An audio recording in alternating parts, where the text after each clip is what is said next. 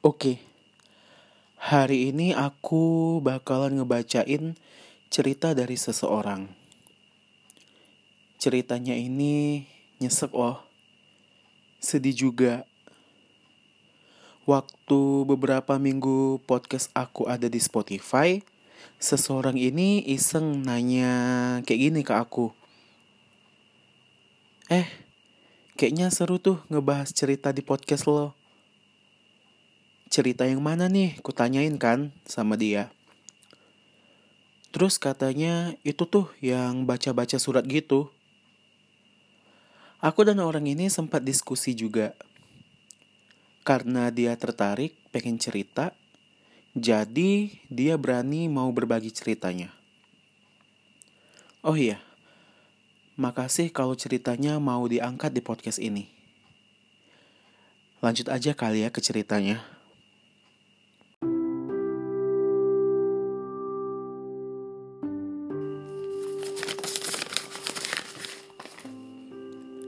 Ini cerita pahit yang pernah ada di hidupku. Oh iya, by the way, maaf kalau kepanjangan ceritanya. Kenalin nama aku Scorpio. Ini namanya aku buat samaran ya. Semasa kecil hingga remaja, aku adalah orang yang berkecukupan. Hingga saat tahun 2013 lalu, aku menikahi pacarku. Pada saat itu, kami menikah masih di umur yang cukup belia. Juga, dulu pas awal-awal di kehidupan baru kami, aku dan istriku masih dibantu dengan kedua orang tuaku. Setengah tahun dari pernikahanku, aku bekerja di sebuah perusahaan milik papaku. Tapi entah kenapa, lama-kelamaan aku merasa tidak nyaman bekerja di perusahaan papaku. Lalu, kemudian aku memberanikan diri berbicara kepada papaku, meminta modal untuk mempunyai usaha sendiri. Jalan beberapa bulan, alhamdulillah, usahaku cukup lancar dan juga jalan hampir satu tahun pernikahanku, istriku hamil.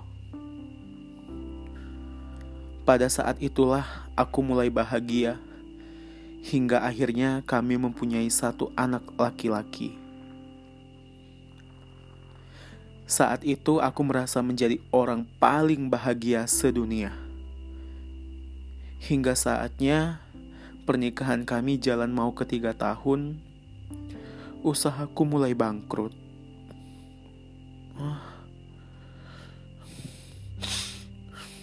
Pada saat usahaku mulai lancar dan pada waktu itu, aku sudah tidak pernah lagi meminta-minta uang atau bantuan kepada orang tuaku dan keluarga yang lainnya.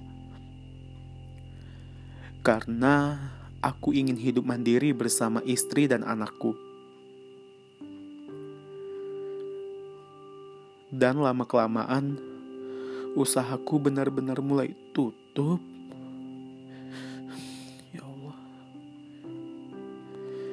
Jujur orang tuaku sering sekali ingin membantu, tapi entah kenapa aku menolak karena alasan tidak ingin menyusahkannya lagi.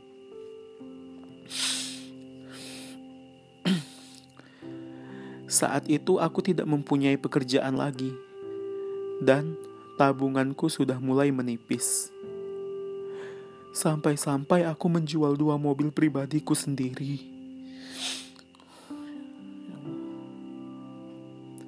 Aku sempat berantem dengan istriku. Selalu ngebahas gimana ke depannya. Gimana anak kita nanti.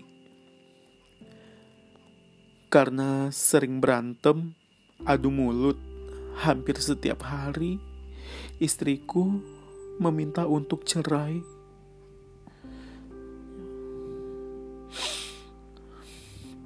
Oke, lanjutnya. Di situ aku mulai runtuh, seakan-akan kebahagiaanku selama ini dan rumah tangga yang sudah dibangun telah direnggut oleh semesta. Sebenarnya aku tidak ingin bercerai dengannya, tetapi dia kekeh tetap mau berpisah.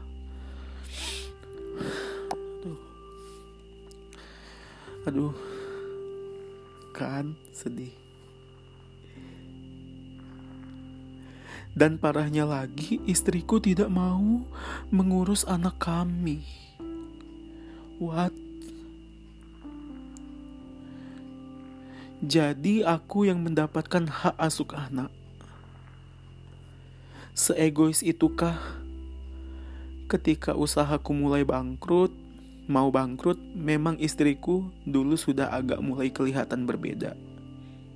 Mulai dari sifat, sikapnya jadi pemarah, agak mulai tidak peduli juga. Sempat aku membencinya, tetapi lambat laun aku sudah memaafkannya. Marah, kecewa itu pasti masih ada kok. Dan beberapa tahun kemudian, setelah keadaan ekonomi aku mulai membaik kembali, Alhamdulillah aku telah menemukan pendamping hidup baru aku yang lebih baik darinya. Oke segini aja ceritanya. Makasih ya dok sudah mau ngebacain. Stay safe and healthy. Aduh ya Allah, ini apa ya jujur aku pas apa nge, mau ngebahas diskusinya sama seseorang ini ya apa ya ini sedih sedih banget loh.